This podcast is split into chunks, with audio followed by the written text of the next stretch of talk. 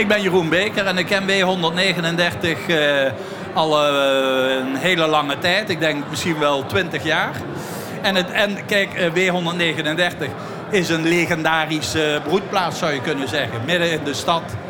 Uh, ja, uh, welke stad kan uh, zo'n mooie plek hebben voor kunstenaars?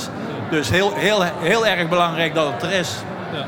En hopelijk dat het ook nog heel erg lang blijft.